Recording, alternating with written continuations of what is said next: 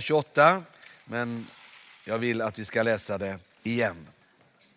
Apostlagärningarna 28 och 23. Vi talar ju om Guds rike, har gjort det ett antal söndagar här under hösten. Men det är ju så här när man lever med det här så växer det bara starkare och starkare. Och jag har sagt något tillfälle tidigare att det, det, det är så härligt att få leva med en församling Eh, där vi tillsammans kan leva med Guds ord och, och, på det sättet plöja in i olika områden. Därför att Bibeln har ju så att säga mer än en dimension. Eh, det finns så många djup, det finns så många sidor i det som vi kanske bara läser rakt upp och ner, drar våra slutsatser av. Men bakom det finns så mycket mer som Gud vill uppenbara för oss. Så låt oss nu läsa Apostlagärningarna 28 och 23.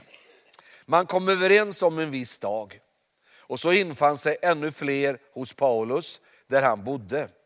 Och från morgonen till sena kvällen vittnade Paulus om Guds rike och utlade vad det innebär. Och utgående från Mose lag och profeterna så sökte han vinna dem för tron på Jesus. Och där står det sen i 30 versen, stannade han i hela två år på egen bekostnad. Och han tog emot alla som kom för att besöka honom. Och han förkunnade Guds rike och undervisade om Herren Jesus Kristus med stor frimodighet och utan att bli hindrad. Att komma till tro det är någonting stort, att leva i tron är ännu större. Därför att eh, det finns så att säga så många eh, starka erfarenheter som Herren vill att vi ska göra utifrån hans ord. Allt eftersom vi vandrar med honom. Att komma till Jesus, att kapitulera inför Guds lösning för våra liv. Det är nämligen Jesus, det är han som är vår lösning, det är han som är vårt hopp, det är han som är vår framtid, kan också bli vårt liv. När vi kommer till honom och kapitulerar inför honom och säger, Herre, jag vill inte leva utan dig, utanför dig. Jag vill leva tillsammans med dig, jag vill leva mitt liv i dig. Det börjar en resa som kommer att pågå så länge vi lever. Och Det innebär att alla år som vi vandrar med Herren är inte bara någonting vi ska påminna oss om, ett beslut vi har tagit. Och sen hålla fast vid det beslutet bara. Utan där börjar ett nytt liv, ett annorlunda liv. Och det livet, det har inte vi koll på därför att vi har varit så att säga troende ett år eller några år. Utan hela det livet vi lever kommer så att säga vara en möjlighet för oss att också upptäcka mer och mer. Och Det jag framförallt skulle vilja stryka under då inledningsvis den här förmiddagen, det är alltså att Paulus, han förkunnade inte bara om Jesus. Han förkunnade inte bara om Guds plan, Guds uppdrag för Jesus och med Jesus. Då tänker vi på korset.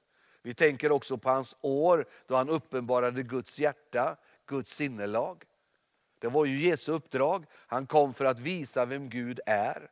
Han kom för att förklara vad Gud vill. Så allt det Jesus var, i, det han gjorde, i det han sa, alltså det är en återspegling av vem Gud är och vad Gud vill. Men vi vet att Jesus hade ett uppdrag utöver det. Det var att också bli ett försoningsoffer. Och när han dog på korset så dog han för alla människors synder. Han dog för mänskligheten. Och när han sedan i döden blev uppväckt ifrån de döda så var det ett bevis på att han dog, inte för sin egen skull, han dog för vår skull. Annars hade Gud aldrig kunnat uppväcka honom ifrån de döda. Och sedan så är han vår rättfärdighet. I honom kan vi räknas som rättfärdiga. Men när Paulus undervisar så talar han inte bara om Jesus, betydelsen om Jesus. Utan han är oerhört angelägen om att också förkunna Guds rike och vad Guds rike är.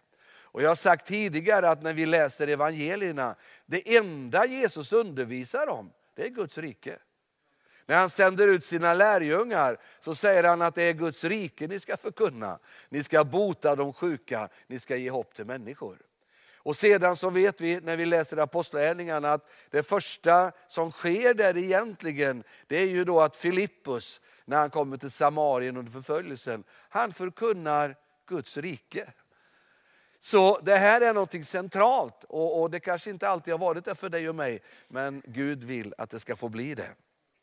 Och Det jag tycker är då så angeläget att stryka under, det är alltså att Paulus, hur förklarar han? Var förklarar han detta för dig och mig? Ja, men det gör han ju då genom sina skrifter. Så alla hans brev, vilka brev vi än talar om, om vi talar om Romarbrevet, Korintierbreven eller Galaterbrevet, Kolosserbrevet, Filipperbrevet, vad vi än talar om för brev, så är ju de breven också en förklaring och någonting som undervisar om Guds rike. Och, och, och därför så kanske där vi liksom på något sätt har missat någonting initialt. Därför att det är just i breven som hans undervisning, Paulus undervisning om Guds rike uppenbaras. Och då blir det också en följdeffekt på det. Och det är ju då att ska vi förstå hans undervisning på rätt sätt så måste vi se undervisningen ur ett Gudsrikes perspektiv. Annars kommer vi att dra fel slutsatser. Och då är det oerhört viktigt att gång på gång påminna oss just om det här att, att Guds tanke med riket, det är ju att vi inte enbart ska bli räddade och omhändertagna som enskilda människor. Utan att Guds tanke med så att säga sitt handlande i och genom Kristus. Det är ju också att vi som troende, pånyttfödda människor, vi ska kunna upprätta närvaron av Guds rike genom att vi på ett personligt plan har erövrat riket i våra liv. Och är vi då okunniga om de här sakerna, osäkra eller otydliga, då är det väldigt mycket som går förlorat. Både för dig och mig i våra liv, men också det som har med vår tjänst att göra. Och Jag tror det är väldigt viktigt att påminna oss det där ordet som jag också läste förra söndagen. Första Korinthierbrevet 13. Det är en sån här nyckelvers. Vi talar ofta utifrån några andra verser i det kapitlet om kärleken och vad kärleken står för. Och, och eh, det ska vi fortsätta med. Men, men det är intressant att efter han har gjort det så summerar han någonting i vers 11. I första Korinthierbrevet 13 och 11. Och så säger han, när jag var barn talade jag som ett barn. Jag förstod som ett barn och tänkte som ett barn. Men sedan jag blev vuxen har jag lagt bort det barnsliga. Alltså det talar om att människan är tänkt att leva ett liv i utveckling. Och, och då innebär det både det biologiska fysiska livet men också det andliga livet. Det innebär att det finns alltid ett perspektiv av att vi är barn. Och är vi barn, det är ju någonting underbart men det är också något begränsande. Därför att vi tänker på ett annorlunda sätt som barn relaterat som vuxen. Och det absolut mest avgörande som, som ligger i skillnaden, det är perspektiv. Ett barn tänker utan perspektiv. Medan en vuxen människa har genom tid, erfarenheter fått ett perspektiv. Och när perspektiv kommer in i bilden så blir samma sak vi tittar på helt annorlunda för den som har perspektiv än den som saknar. Och Det är därför som Paulus är så angelägen om att alla som kommer till tro inte förblir barn, utan blir vuxna. Alltså det, det ligger i själva bönevåndan han har. Och det är den som kommer till uttryck i, i Galaterbrevet när han säger att jag måste med vånda föda er till liv igen. Det som började i anden har nu börjat landa i köttet. Så det innebär att när jag kommer till tro som en enskild person så är det naturligtvis något jag ska jubla över och vara glad att jag får vara ett Guds barn. Men barnaskapet det är naturligtvis en utgångspunkt men inte så att säga något som ska bestämma min utveckling. Därför att barnet ska växa till. Och Det innebär att det liv jag lever med Jesus, det ska jag förstå kontinuerligt och successivt från andra positioner längs resan. Du vet, när, när, när, barn lever som barn så finns det något gulligt över det, någonting naturligt och någonting självklart. Men det är inte roligt när det barnsliga finns kvar så att säga. För det som också kännetecknar ett barns tänkande, det är själviskhet. För man har alltid sig själv som en utgångspunkt. Men det som ska tillföras en människa när man växer, det är att man börjar se livet och tillvaron består av mer än mig. Och till och med det jag får lära mig att stå tillbaka för andra. Och varför skulle jag vilja göra det? Perspektivet får mig att förstå att det är nödvändigt.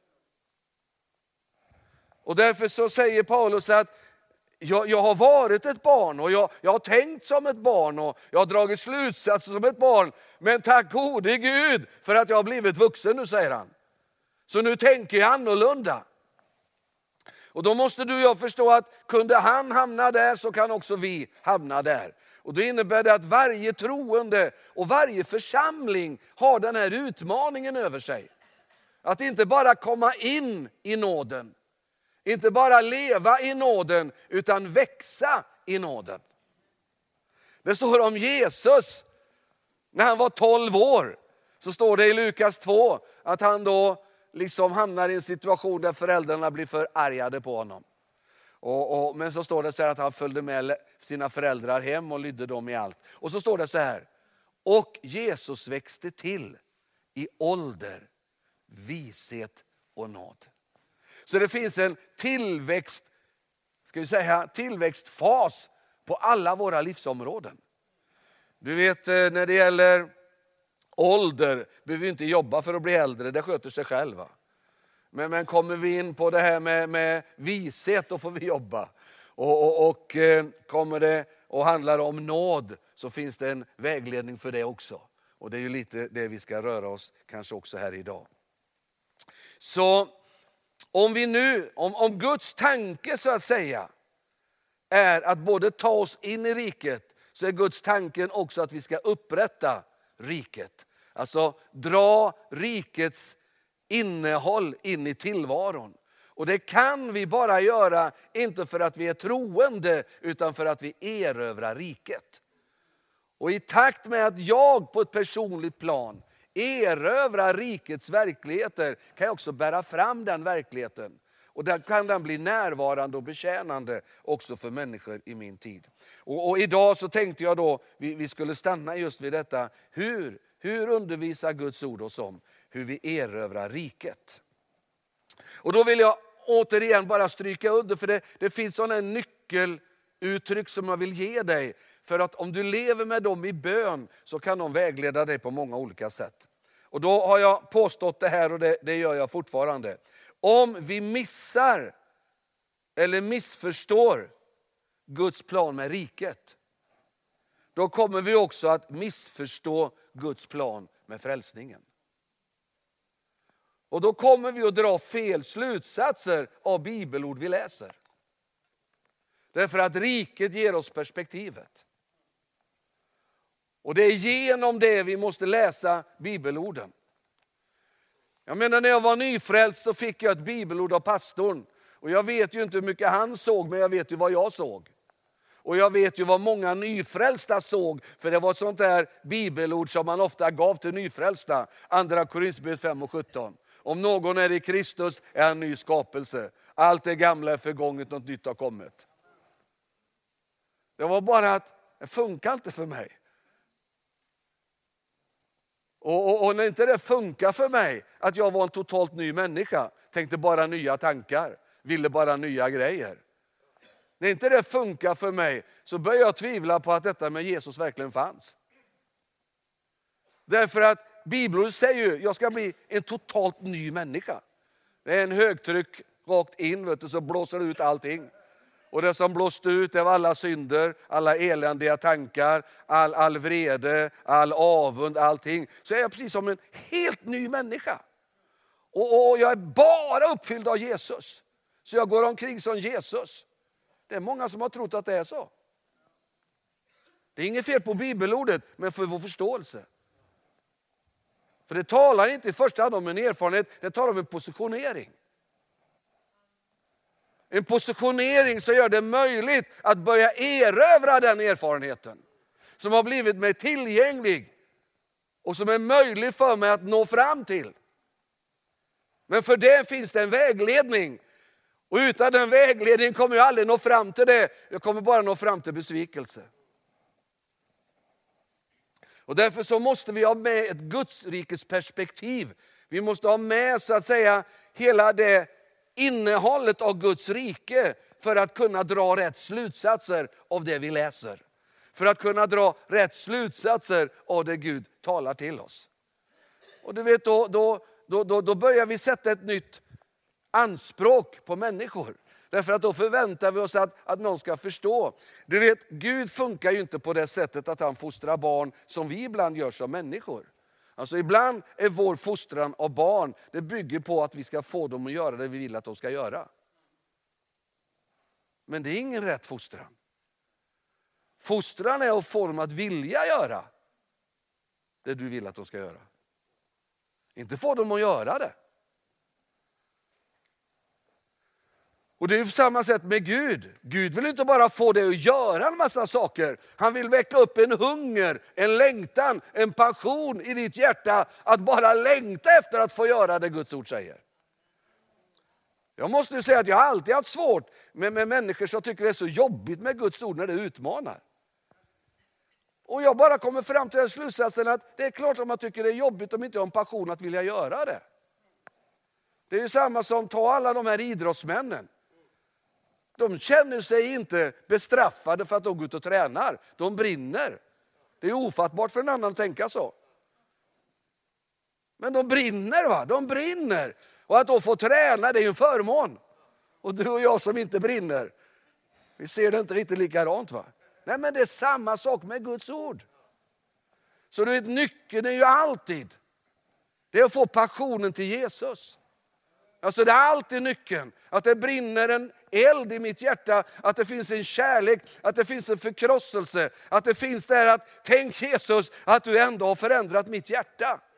Tack för att jag kan älska dig idag av hela mitt hjärta. Att det är möjligt, jag fattar knappt hur det går till. va. Men, men du har rört vid mitt hjärta. Det är samma som att eh, försöka förklara varför du blir kär i din fru. Ja, klart man kan lägga upp en massa grejer, men försök att förklara varför det hände det som hände. Det bara hände något. va? Och det är ju likadant fortfarande då efter 37 år. När man tänker och tittar på det så tänker jag, det är fantastiskt, hur kunde hon börja älska mig? Och så tänker jag, tack gode Gud för att du gjorde något i mitt hjärta så jag såg henne. Jag kunde ju missat henne. Men det var det där som bara hände. va? Ja, men det är ju det som hände med Jesus också. Vet du. när, vi, när vi träffar honom på ett rätt sätt i ordet. Hände någonting i hjärtat. Hände någonting. Blir bara en förkrosselse, en passion. Och man blir så fascinerad över att, tänk Jesus att du gav mitt liv ett helt nytt innehåll. Tänk att jag brinner lika mycket efter dig trots att det har gått 45 år. Att jag vill ingenting annat. Jag menar egentligen vill man ju mer av detta idag än någonsin. Det är ju så. För kärleken växer ju, kärleken utvecklas ju. Och då är det likadant här alltså att, att, att när vi stöter på någonting i Guds ord som väcker den typen av tankar, vad jobbigt. Då är det inte fel på ordet, det är fel på ditt hjärta. Det är den karga verkligheten. Därför att då stöter det på någonting som ännu inte älskar Jesus. Som ännu inte har kommit in under Jesus. Men han vill hjälpa dig och mig med det. Guds rike visar på någonting mer. Visar på någonting utöver Guds förlåtelse. Korset förkunnar förlåtelse. Korset förkunnar försoning. Korset bara förkunnar en enda stor gåva till dig och mig. Och den gåvan den kommer enbart ifrån Gud. Men riket visar på någonting utöver detta. För riket visar på upprättelsen av det försonade, av det förlåtna. Gåvan, frälsningen, försoningen, helandet, det tar vi emot genom en enkel bön. Men i detta perspektiv finns det en dimension till och det är Guds rike. Och själva korset är nyckeln in i riket.